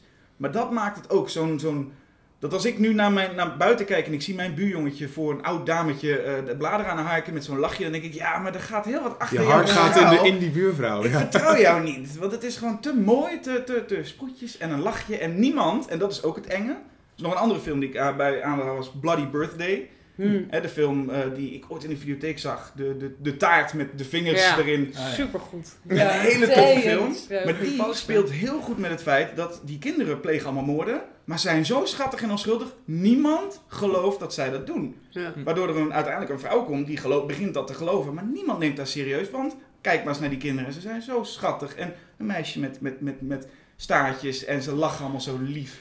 Ik moet daarbij ook denken aan AI trouwens. Waarbij dat jongetje perfect is omdat hij perfect is. Omdat het helemaal geen mens is, maar een eh, robot. En die moeder die dat ook dan niet vertrouwt. Die dan Nee. van dat jongetje af wil. Je Van het is te niet. perfect. Dus. I love you mommy. Ik weet niet meer precies hoe het gaat. Nee. Maar de- terwijl je weet dat dat jongetje niet slecht is. Maar het is gewoon creepy. Je wil wil dat een kind af en toe even gaat zeuren en gaat janken en gaat doen. Dan weet je in ieder geval, dat is irritant. Maar je weet in ieder geval, nou er is met jou niks mis. Maar als ze stil zijn en alleen maar gehoorzamen, dan wordt het een beetje eng. Dus perfecte kinderen vinden we eng eigenlijk. Dat is nu... On- Ik Helemaal- wel, ik wel in ieder geval. Jij- Maar goed, dat is, dat, ja. Heeft een van jullie toevallig, want eh, toen ik hoorde dat dit besproken werd, dacht ik aan eh Who Can Kill a Child? Ja, die heb ik gisteren Ah, ja. gekeken. het, eh, 76 geloof ik, Spaans, iets met Nino in de titel. Ehm, Jallo, toch? ja, nou, ik vond hem, ik, ik weet niet of hij onder Jallo valt, maar ik, ik vond hem in ieder geval heel tof. En vooral één specifieke scène, want het gaat over een stel dat dan naar een eiland gaat, ik geloof voor hun huwelijks. ja, een. Spaans eiland. En daar zijn geen volwassenen, die zijn allemaal uitgemoord door de kinderen, komen we langzamerhand achter. Hm. Dat is allemaal creepy, toffe visuele scènes in de film. Maar ondertussen, en dat vergat ik tijdens het kijken, is de vrouw zwanger. Ja, dat... En op een gegeven moment is er de scène dat de vrouw doodgaat. Door haar eigen ongeboren kind, die Oh. haar eigenlijk van, Van binnen... binnen. oh. En dat was echt wel een holy shit moment Ja. van grote proporties voor mij. Dat, eh, daar moest ik wel aan denken. Maar die film doet ook nog iets anders heel geks. Want het opent met beelden waarbij je ziet wat kinderen allemaal wordt aangedaan. En allemaal oorlogen. Ja, en ja met allemaal- ook echt stock footage. De stock ik footage van de Tweede Wereldoorlog. Ja, wat ook Dat- een beetje raar aanvoelde om in fictie te beginnen met echt materiaal van de Tweede Wereldoorlog, geloof ik. Maar wat was dan het grote metafoor daarbij? Want als je dan een, een, een eiland hebt met moordende, moordende kinderen, wat is dan precies het, de, de link met Tweede Wereldoorlog kinderen die daarin Ik heb omkwamen. serieus geen idee. Dat is toch eigenlijk heel? Exploitatie. Dat, Dat dat de kinderen wraak gaan nemen. Dat die kinderen wraak gaan Dat nemen. lijkt me dan. Ik heb de film niet gezien. Dit volwassenen die hoor- kinderen hebben. Ja, ja, maar dat, ik, ik weet nog wel, dat, dat openingsmateriaal, dat vond ik wel een beetje, dat maakt het wel is een beetje too much. een beetje too much, een beetje dubieus, een beetje, beetje pff, eh, pretentieus misschien zelfs, zeg maar. Terwijl de film zelf vond ik visueel heel tof, qua decoupage, hoe scènes werden opgebouwd en vooral eh, sommige keuzes die ze maakten, waaronder dus die ik net vertelde. Ja. Want eh, dat vind ik het een beetje bij, bij Hollywood eh, horrorfilms, die ik ook bij Vleten met veel plezier kan, kan zien. Maar eh, ze durven nooit die stap te nemen die, die Oosterse cinema bijvoorbeeld wel durft te doen. Of, of dat voorbeeld, waarbij ze net dingen durven te laten gebeuren die net wat verder gaan Nou, dan... In Prometheus zit ook zo'n soort scène. Oh toch? god, ja. Met, een, dat ze Met die halve abortus. Ja. eh, ja. Omdat, ik ik kan, dat staat me nog heel erg voor de geest, maar ik weet niet meer de context. Maar het is wel doodeng. Ja. En ze laten een abortus bij zichzelf plegen. Ja, om- Zij heeft zo'n alien in zich, Ja. toch? En dan heb je, heb je zo'n apparaat en dan kan je Ja. dan jezelf open laten snijden. En dan... eh, Heel goed, sterk geacteerd ook. En een paar jaar geleden was er nog een Britse film met kinderen die eh, in een groep eh, gingen moorden. The, The Children. Hebben jullie die gezien? Ja. Dat, Ja. eh, Nooit van gehoord. hoe vond jij dat, eh, Jasper? Oh, ik vind, het was, dat was heel realistisch neergezet. En ik had zo'n ik, ik had zo'n hekel aan die kinderen. Het, was, omdat het, het voelde zo echt. Het waren echt hele irritante Ik kinderen. wilde ze echt... Ik denk, oh, dat, Ja. dat kon ik bijna niet zien. Dat was bijna zo dat je frustrerend zat je Volgens daar. mij wel wil iets zeggen. ja, ja, ja, want ik denk opeens oh, welke ik heel tof vond en ook heel naar en gruwelijk en eng. En daar, omdat er ook een soort realistische toon in zat, Britse kinderen, was, was Eden Lake. Oh ja. Ah, ja. Oh ja. Dat is Gewoon, Ja, hè, dat je daar met je stelletje, die je, je zegt wat, eh, ja, je zegt wat tegen Ja. van die luidruchtige kinderen en die besluiten je dan compleet te Nou, terroriseren. Bij Ja. die twee, dus The Children en bij Eden Lake, die twee had ik beide gezien. En toen was ik echt... Dat soort film moet ik niet vaak gaan Ja, kijken. toen had ik al kinderen, maar eigenlijk Oh. eh, anders had ik gedacht wilde van, je niet no way. No way. Nee, nee hoor. Schat, zullen we kinderen? Nee. Hier ga Eden Lake kijken. Dat is de beste anticonceptie Het inderdaad beste is. anticonceptie. Gewoon Eden Lake en The Lake. Children, zet ze aan en Ja. Je je kan, wil... eh, je wil geen niks kinderen. Je kan zo'n soort filmfestival beginnen, anticonceptie filmfestival. Nou- met gewoon al die films die we nu opnoemen. Precies, dat denk ik dat dat wel gaat werken inderdaad. Nou, Ja. tot, tot slot, voordat we naar de muziekcolumn gaan, eh, wil ik ook nog eventjes The Omen. Toch? Maar natuurlijk. The Omen. Hmm. Anekdote. Damien, it's all for you. Oh, sorry. Eh, eh, want eh, ik ben een obsessief uh, commentaartrekluisteraar. Eh, het laatste shot van de Omen, jullie alle bekend, dat eh, de Damien op die begraafplaats zit en omkijkt, de camera inkijkt en een minutieuze glimlach geeft. Mhm. Is de regisseur vertelt hoe hij dat eh, eh, eh, teweeg heeft gebracht, zeg maar. Is hij praatte door de take heen en hij zei, eh dat jongetje bij de naam, ik weet de, de naam niet meer, van eh, oké, kijk nu eens om, kijk eens in de camera en nu niet lachen. Niet lachen, absoluut niet lachen. En wat ga je dan doen? Oh. Dan hou je je in, maar dan kan, je, kan zo'n kind niet helpen om toch een klein beetje te lachen. Haal je je eigen geluid eruit en nou ja, Ja. je hebt een legendarisch eindshot. Een Richard Donner gelooft zelf trouwens dat eh Damien helemaal niet het kind van de duivel is. Dat zegt hij ook op die commentaartrack, toch? Dat kan ik me niet meer Eh, herinneren. Serieus dat hij de, dat... de regisseur van The Omen, nou, Ja? die zegt van ja, niks wat in The Omen gebeurt is onmogelijk. En hij gelooft dat het allemaal toeval is. Dat, het, eh, dat was ook zijn bedoeling met die film. Dat, dat, dat Gregory Peck eigenlijk gek aan het worden is. En dan begint te geloven dat zijn adoptiekind het kind van Satan is. Nou, dat is niet de film die Richard Donner heeft gemaakt, volgens mij. Dus het kan helemaal niks schelen dat, Dat hij dat haal denkt. ik niet uit de film. Dat haal Nee. ik uit de Polanski-films. Want Rosemary's Baby is wel degelijk te zien, want ik heb hem een tijd geleden nog gezien. eh, vanuit het idee van. Oh, dit zou ook nog wel eens, hoe heet het ook alweer? De, als je na je zwangerschap eh, eh, in je Postnatale depressie. postnatale depressie-achtig iets kunnen zijn. Ja. Van is dit wel echt of is dit iemand die dit allemaal projecteert uit haar eigen eh, waan? Eh, Repulsion ook, maar bij die Omens zie je Ja, dat, filmisch. Dat in zijn vertelling-. En als we het nu hebben over even regisseren van kinderen, is natuurlijk ook ontzettend moeilijk. Waar ik toch on, eh, Richard Donner of eh, je moet, als je Mary Lambert, die een driejarige Michael Hughes in Pet Cemetery regisseert, Ja.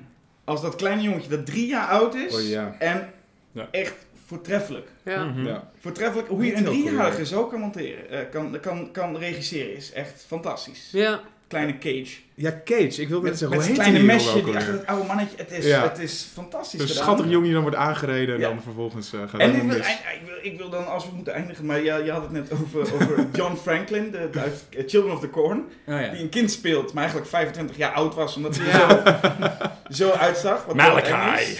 En de andere, andere die je daarin hebt, die echt zo eng is, is, ehm, hoe heet dat? Eh, ik heb die staan, Burial Grounds, Oh, Night ja. of Terror. Dat, dat jongetje, ken je het jongetje? Nee. Die eh, wordt gespeeld door Peter Barks, 26 jaar oud. maar hij speelt een kind van 8, gaat Ah. opzoeken.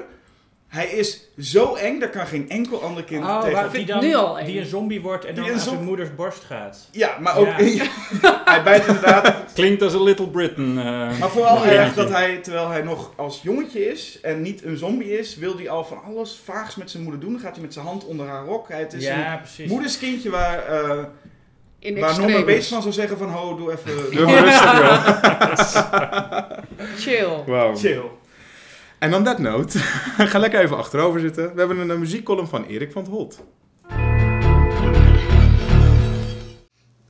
Filmmuziek kan je opdelen in grofweg drie categorieën. De eerste categorie is volledig origineel werk, muziek speciaal geschreven voor de film. Daarnaast gebruiken sommige regisseurs vaak ook bestaande muziek. Denk bijvoorbeeld aan Stanley Kubrick, die voor 2001 A Space Odyssey klassieke muziek gebruikte, waaronder aan de Schöne Blauwe Donau van Johann Strauss. Of Quentin Tarantino, die regelmatig muziek van Ennio Morricone in zijn films recycelt. De derde categorie is een soort mashup van deze twee, een hybride. Bestaande muziek die voor de film in een nieuw jasje is gestoken, of die de componist, al dan niet naar eigen inzicht, heeft verwerkt in zijn originele score. Voor High Rise bijvoorbeeld coverde Portishead op verzoek van regisseur Ben Wheatley het nummer SOS van ABBA. Een ander mooi voorbeeld is de soundtrack van Die Hard, waarin componist Michael Kamen Ode to Joy van Beethoven verwerkte.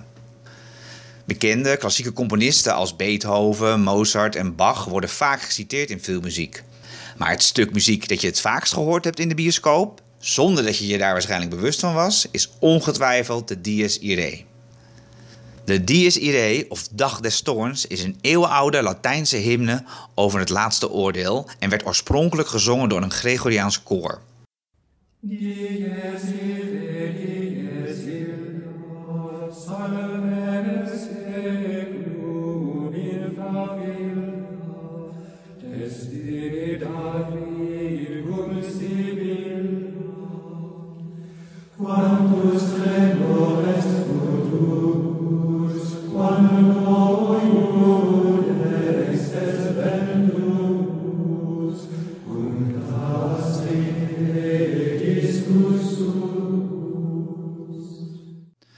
Voor de hervorming van de katholieke kerk in de jaren 60 was de hymne onderdeel van de heilige mis voor de overledenen.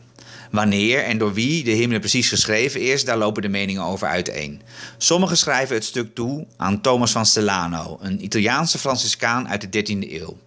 Anderen beweren echter dat het stuk veel ouder is en al werd geschreven omstreeks 600 na Christus door paus Gregorius I. In de 19e eeuw werd het Dies herontdekt door klassieke componisten zoals Berlioz, die de mis in hun eigen muziek verwerkten of vergelijkbare muziek componeerden. Het waren vooral deze versies van de Dies Irae die op hun beurt weer als inspiratie dienden voor de componisten van filmmuziek. Als je op Google zoekt op Dies Irae filmmuziek, vind je binnen een half uur tientallen voorbeelden van filmmuziek waarin de Dies Irae is verwerkt. Een van de eerste filmmuziekcomponisten die de Latijnse hymne gebruikte, was de Duitser Gottfried Huppertz in zijn score voor Metropolis. De onheilspellende muziek is prominent te horen aan het einde van act 2, als Vreder in zijn delirium de dood ziet zwaaien met zijn zeis.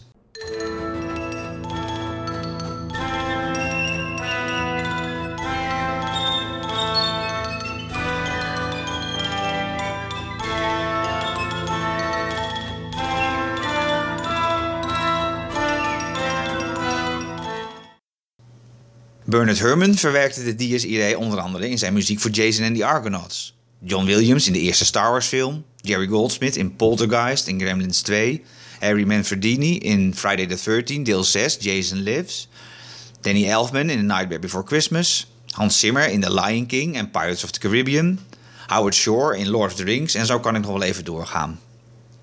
De citaten zijn overigens vaak subtiel en kort. In Gremlins 2 gebruikte Goldsmith bijvoorbeeld alleen de eerste zeven noten.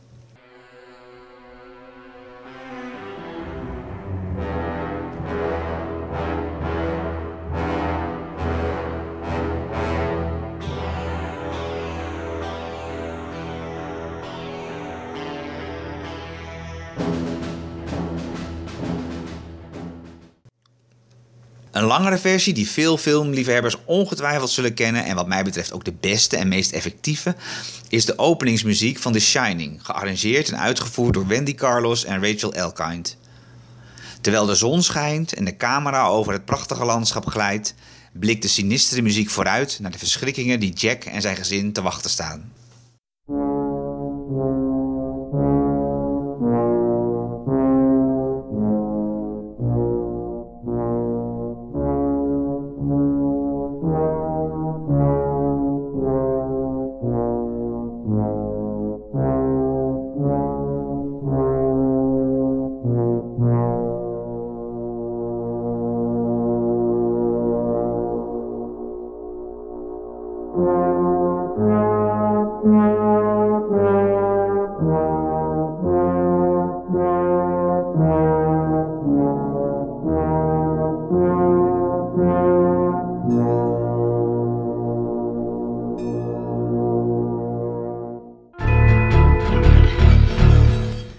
Aflevering kijken we even uit naar een film die binnenkort uh, uitgaat. En dat doen we dit keer met The Neon Demon. Op 16 juli in de bioscoop. Uh, de nieuwe 14 van... juli. 14 juli. 14 juli. Maar het scheelt maar twee Het scheelt maar twee dagen. Dat kan je hem ook nog zien, denk ik. Um, en uh, het is een nieuwe film van Nicholas Winding Refn.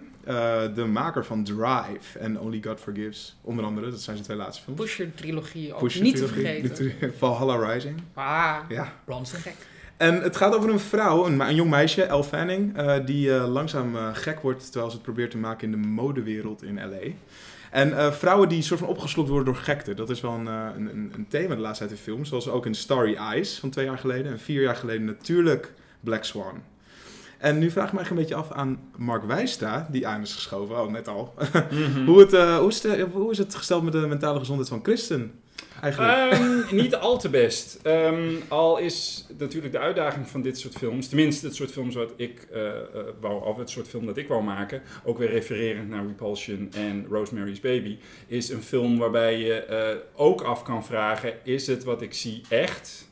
Gebeurt deze gruwelijke dingen echt door een extern iets? Of kijk ik naar hoe iemand die geestelijk niet helemaal wel is, dingen fantaseert? Um, ik heb deze film nog niet gezien, dus ik weet niet. Bij, bij Black Swan bijvoorbeeld niet. zit dat enorm erin.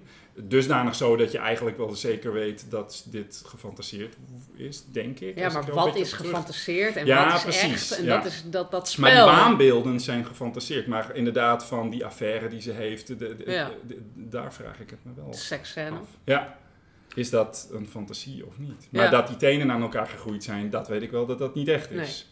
Ehm, het, wat, ja, waarom ik het zo interessant vind, is dat, eh, en ook gebruikt heb, is... ehm, ik, ik heb al vanaf jongs af aan een soort obsessie met... Ik zie film als een goochelact. En het is de, hoe, ja, hoe werkt dat nou, zeg maar? En wat maakt film nou uniek en film nou film? En eh, daardoor luister ik zoveel commentaartracks al jaren en eh, check mijn iPod erop na en het staat er bomvol mee. Ehm, en waar ik enorm van hou is subjectiviteit in films. Hm. Is, eh, ik had het eerder ook al heel kort over dat point of view shot. Dat is, wat, wat maakt iets nou uniek voor film? Uh, en dat is de visuele uh, representatie van hoe iemand iets beleeft. Het subjectieve, subjectiviteit, zeg maar. Een boek kan het doen mm, met een omschrijving. Die kan omschrijven wat iemand denkt. Dat kan film niet. Maar film kan het laten zien. Hmm. Denk aan Vertigo van Hitchcock. Over een man met hoogtevrees. Uh, waarbij, zover ik weet, het eerste traveling zoom shot gebruikt wordt. Ja. Dat James Stewart kijkt neer terwijl hij zo'n toren beklimt. En wij zien door de ogen van hem een visuele, een visuele interpretatie van hoe het is om hem te zijn en hem voelt. te voelen. Hoe het voelt. Ja. Ja, het is Ehm, niet letterlijk wat hij ziet. Het, dat shot. Het is in Vertical wel degelijk letterlijk wat hij ziet. Want je ziet hem letterlijk meerdere keren over de rand kijken. En dan zie je letterlijk die... Maar het is niet wat zijn ogen waarnemen. Het is Het wat... is, Nee, het is- ja, het is wat hij van binnen Ja, hoe, eh, hoe hij voelt bedoel Ja. ik. oh ja, precies. Ja, ja, ja. Eh, en dat, dat is iets ja, wat film fantastisch kan. En eh, een van de lessen van drama is contrast. Eh, ook iets wat hè, in de discussie met, waar jullie het over hadden met, met de Marvel-films en überhaupt moderne Hollywood-films eh, redelijk verdwijnt. Dingen moeten tegenwoordig zo'n hoog tempo hebben dat contrast verdwijnt. Terwijl altijd was het zo van, hè, als, je eerst, eh, als je luid moet gaan, wees dan eerst stil. Dan werkt die luidheid des te meer.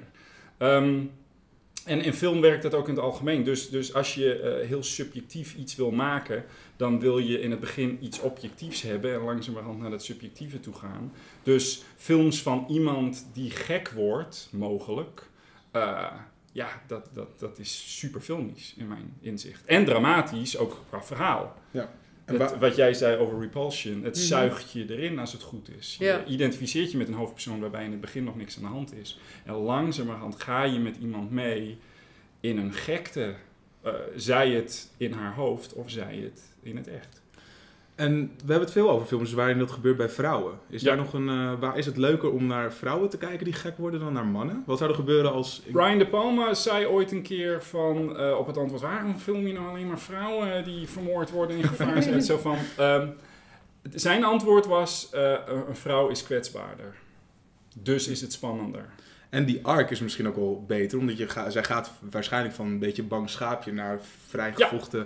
heldin Ook aan het dat, einde. Ook is dat. dat, een... eh, Eh, het, het, mogelijk is het een seksistisch eh, idee, maar het, het- uiteindelijk... eh, Zou kunnen. je Zou werkt kunnen. wel met archetypen en je werkt wel met... eh, van een man zou je sneller verwachten, oh kom op, vecht terug. Of hè, Ja. de- de- de- over het algemeen hebben mannen toch fysiek Gelukkig. sneller iets meer. Gelukkig hebben we Evil Dead 2. Ja. Die dat volledig eh, omgooid. omgegooid. Ja. Maar nou wel comedy wordt, want Evil Dead 2, het eerste half uur is een van mijn favoriete Ja. Ja, half uren ever. Eh, man alleen en Volgens mij had het, ik heb ook al... who's laughing now? Terwijl hij zijn hand eraf Ik zaagt heb me ook ooit afgevraagd hoe zou Evil Dead 2 werken met een vrouw in de hoofdrol. Volgens mij zou dat niet werken. Maar leg Ja, maar- even uit wat je bedoelt met, eh, die open, met het eerste half uur. Wat zei je toch? Dat Ja, oh, dat is, eh, het eerste half uur is puur een man alleen in een hut eh, met een bezeten hand die hij er op een gegeven moment afzaagt en die tot leven komt. En eh, een man die zich daarna verliest in waanzin. Hij is Ja. super kwetsbaar, toch? Ja, maar eh, het, het, het, het is ook Bruce Campbell. En eh, ik denk niet dat het uitmaakt of het een man of vrouw was geweest als degene het acteertalent had om die juiste, want dat is een van de moeilijkste dingen. Eh, comedy, maar waar je nog wel in meegaat. Maar wilde je, wil, zou je eh, eh, Ash, maar als het dan een vrouw was geweest, zo gepijnigd zien worden? Is dat leuk om te zien? Een vrouw die haar eigen hand afzaagt en door een boom, bomen Als wordt het een goede comedienne is, zeker. Ik denk het wel. Ja, inderdaad. Wat jij zegt over zijn acteertalent en dat hij, dat, dat hij die toon helemaal Ja, weet. je gelooft het, Ja. maar je kan er nog om lachen, Ja. zeg maar. En dat is een hele moeilijke toon om te raken. Maar een vrouw zou dat zeker ook kunnen. dat denk ik Maar niet een kwetsbaar schaapje. Nee. Nee. nee. En ook geen eh, Alan Ripley, eh, eh, fantastisch, ik ben helemaal fan van Alan Ripley, zeker van Alien en Aliens. Maar dat zou... Dan, wordt, dan wordt het, gekweld zien worden. nee, en dan wordt het weer te serieus, Ja. zeg maar. Nicholas Winding Refn staat natuurlijk niet bekend omdat hij zijn hoofdpersonage enorm veel luchtigheid meegeeft. Bijvoorbeeld in Drivers die, eh, is Ryan Gosling natuurlijk een eh, brooding man die nou ja, een, een, bij een hijs betrokken raakt. Ja. Eh, brooding. Ik- Die, die, die term zegt me helemaal niks. Maar Nee? Broeierige, eh, broeierige man. broeierige Ja, man. het- het is misschien dat het heel warm is hier. Dat Ja. Zo voelt Ryan Gosling Ja, zich zo. de hele tijd. Ik krijg het een beetje warm voor Brooding is toch, is, toch, is toch duister en eh, een beetje depressief nadenkend? Ja, nou, dat is hij eigenlijk ook. Of heb ik nu Ja, misschien nou ja, dat over ik bedoel, het brooding lijkt op het woord broeierig, maar het heeft toch Ik heb wel, nou, ik heb wel het idee dat er dingen broe, dat soort iets broeit Oh, onder de oppervlakte. Ja. Nee, broeden. broeden, daar komt het van. Nou, dat, dit zoeken we op. Het is een Dit gaan we opzoeken. We weten man. Nu wat voor man. type dat is. Batman Om is terug te gaan naar Nicholas Winding Refn, eh, gaat dit een, een, een, een return to form zijn voor hem, deze film? Want Only God Forgives was niet heel erg goed ontvangen. Nee, Was ook niet heel erg goed. niet zo'n goede goed. film. Nee. Nee, ik, vond, ik heb me zeer gestoord aan, aan Only God Forgives. En daarin, misschien was het de broedende man. Maar ik zag vooral een Ryan Gosling, die staat uit het raam, staat naar zijn eigen handen. Hij staat naar de muur. En in Drive kon ik het hebben, maar in, in Only God Forgives, ik, vond het, ik kon er helemaal niks mee. Nee. Dus uh, wat je zegt, back to form, ik vraag het me Maar de Af. moeilijkheid is ook, eh, want daar hoorde ik jullie het ook op een gegeven moment over hebben, van, eh, eh, over film. En eh, voor mij, want ik geef ook les, is effectiviteit een van de belangrijkste dingen. Is, is effectiviteit belangrijker dan originaliteit? Hm.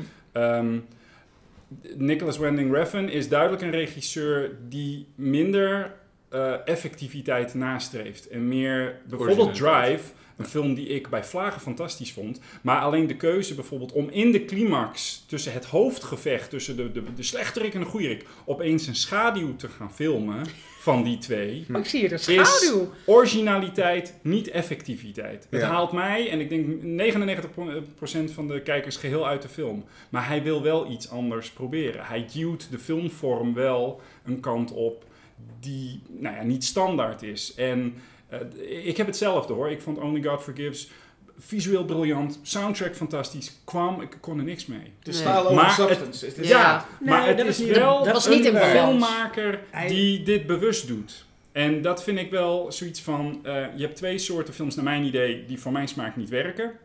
Films die inept geregisseerd zijn en waarbij je denkt van... nou, deze persoon weet niet wat voor keuze hij maakt en wat de consequentie daarvan is.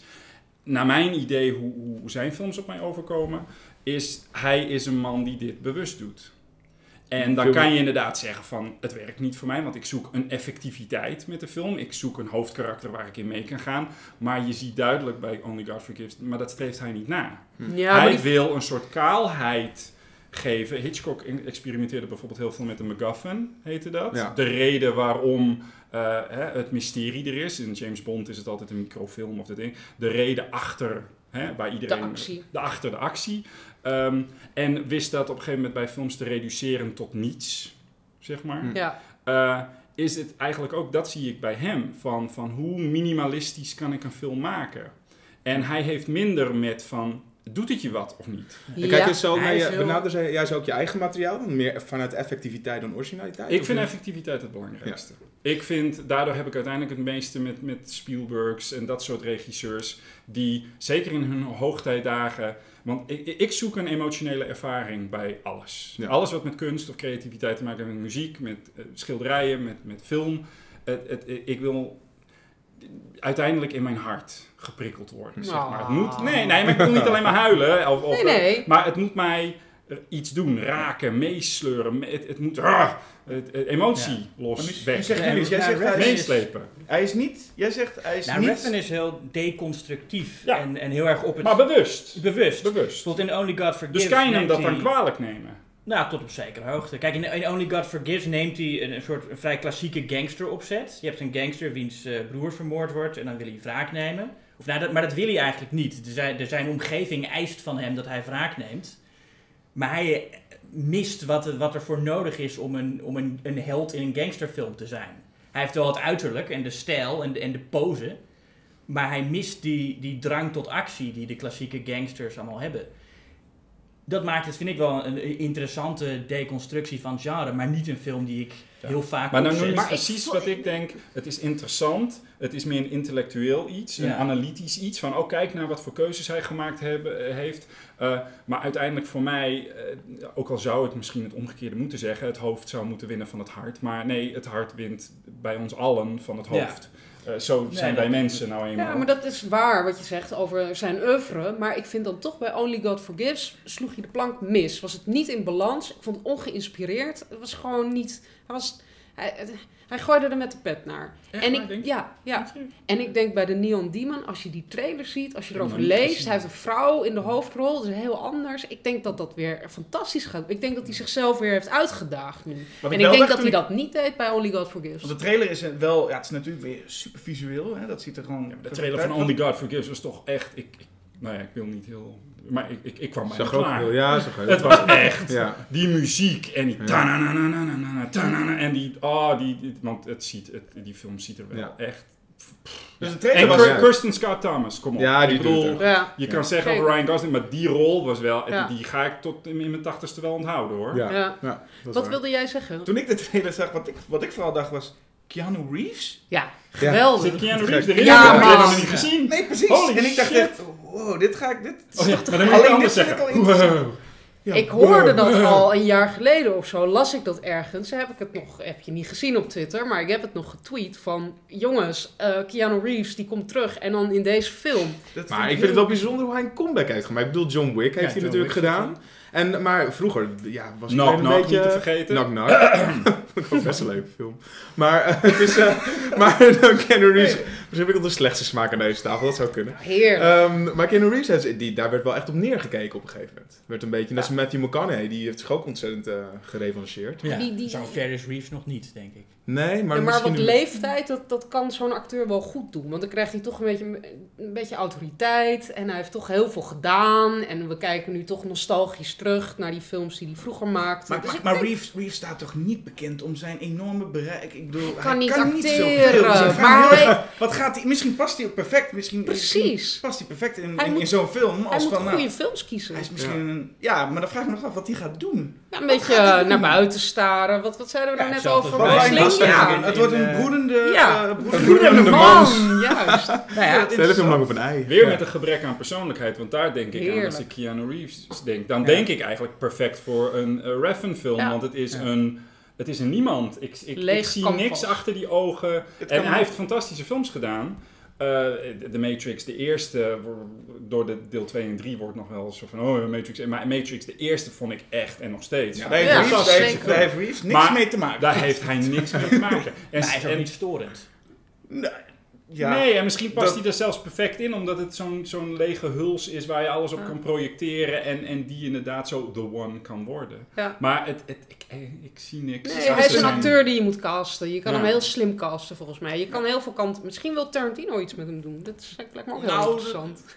Dan denk ik dat hij beter bij Revan in zijn plaats... Dat het misschien een heel gelukkig huwelijk gaat worden. Gewoon van, ga jij hier maar staan, Keanu? Ja. Kijk gewoon. Ja. En doe je ding. En dan... Hij was een goede Ja. Hitchcock-acteur geweest. Oh ja, oh, die ja. hield heel erg van dat soort acteurs. Van dat soort- die niet ja, nadachten, die gewoon, Gewoon- leidt mij. Ja, precies. En de ze- 60 eh, frames eh, per seconde, die, waar de, volgens mij Neon Demon is gedraaid in Wauw. 60 frames per seconde. Echt? Volgens mij heb ik gelezen en dat lijkt me nog wel interessant, omdat het bij The Hobbit gewoon compleet gefaald, of in ieder geval, ik vond het Oh, verschrikkelijk om te zien. Mhm. Maar ik vraag me heel erg af, want iedereen roept dat, dat is de toekomst, alle films moeten voortaan 60 frames per seconde. Ja. Ik vraag me bij deze film af, misschien dat dit wel heel goed gaat werken. Nou, we Dus gaan het hoop- zien. De componist zegt trouwens dat het een soort kruising wordt tussen Valley of the Dolls en de Texas Chainsaw Massacre. Ja, het dat zijn, zijn- zijn horrorfilm. Dat dat zijn twee films die Ja. behoorlijk op de emoties spelen. Ja, dus dat we dat net hadden over Reffen als een soort intellectualistisch regisseur.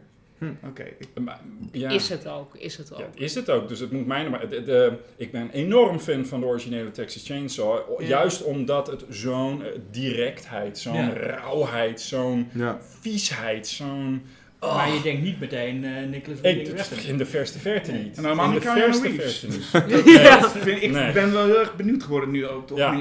Laat Keanu Reeves maar zeggen: You broke the damn door. En dan- What your brother did to the The door. damn door. Ja, dat is echt. We gaan het zien op 16 juli, toch? 16 juli, Wat was het? Basje? 14 14. juli. 14 Nu zeg ik het weer verkeerd. Basje, we gaan nu naar 42nd Street. Take it away. Ja, Theodor Steen en Barend de Voogd van Schok het Nieuws bezochten in maart het Offscreen Filmfestival in Brussel. Hun missie, een lang interview met Frank Hennenlotter, de regisseur van legendarische exploitation films als Basket Case, Brain Damage, Bad Biology en natuurlijk Frankenhooker. Hennenlotter, inmiddels 66 jaar oud, presenteerde in Brussel zijn nieuwe film Chasing Banksy en haalde herinneringen op aan 42nd Street, de plek in New York waar je in de jaren 70 de meest uitzinnige films kon zien in vervallen bioscopen en adult movie theaters. Het uitgebreide interview met Hennenlotter vind je eerste week juni in Schokkend Nieuws nummer 120. Maar we hebben een voorproefje. Come and meet those dancing feet. On the avenue, I'm taking you to 42nd Street. Uh, there was a panel yesterday. Yeah, yeah. Um, you grew up on, on 46, Oh, yeah. or you were 15, I think. I started cutting high school when I was 15 Uh-huh. into uh, the city, and um, and I was a very lonely and un- I probably very unpleasant kid because I didn't know how I fit in yet. mm-hmm. So I was kind of hostile to everything, and um, um, I didn't give a shit about finishing school or anything. I did, but by default.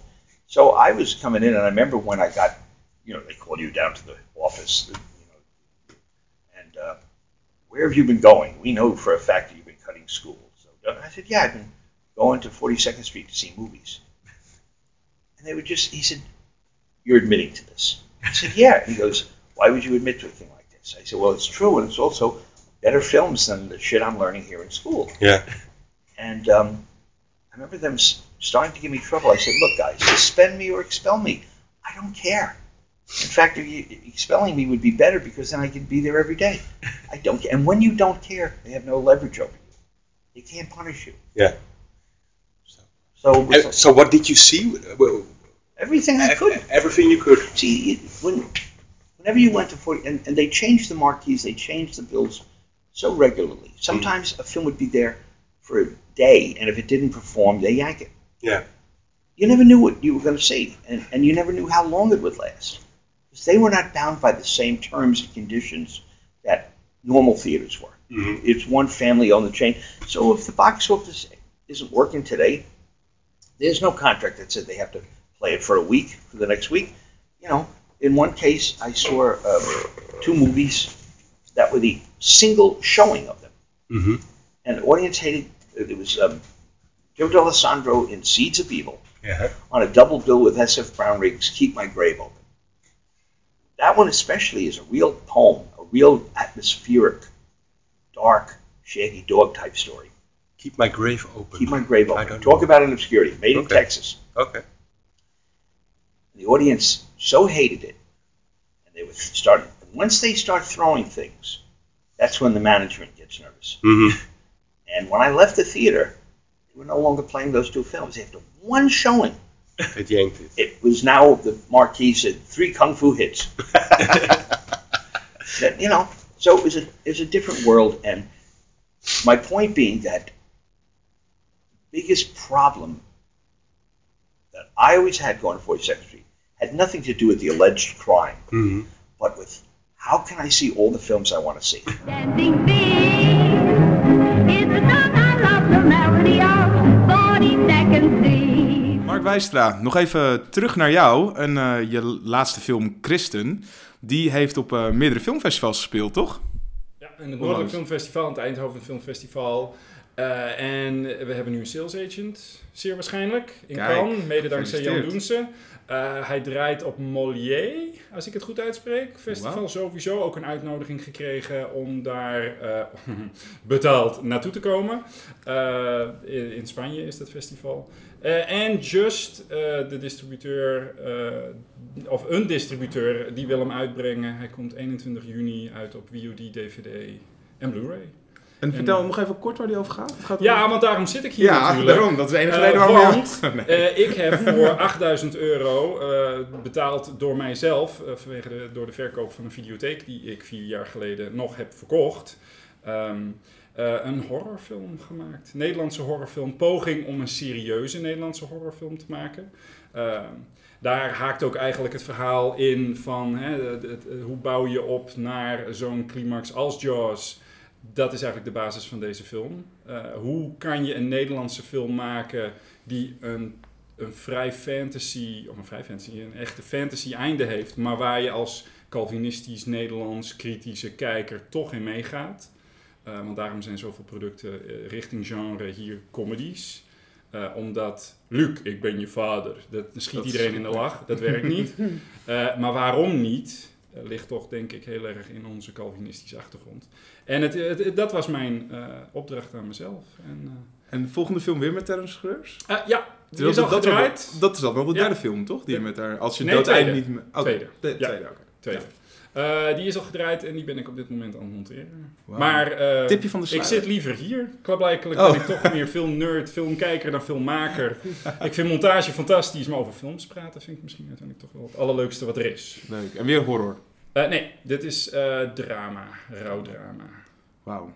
Nou, heel erg bedankt dat je er was vandaag. Graag gedaan. Echt Ik vond het heel leuk om hier te zijn. Fijn, goed zo. En ik ben ook heel blij dat het allemaal zo goed is gegaan vandaag. En dat we elkaar nog niet zo goed kennen, allemaal. Maar dat we elkaar beter leren kennen door de podcast. Ja, maar, maar Ja. filmliefde bindt. Filmliefde bindt. Filmliefde. Ja. Zeker.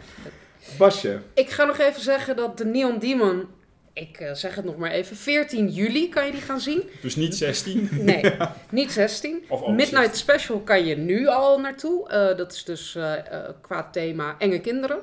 En Christen is dus binnenkort op DVD, Blu-ray en VOD te krijgen vanaf 21 juni. Zeg ik nog maar even erbij. Tot de volgende keer allemaal, tot de volgende Schokkend Nieuws podcast.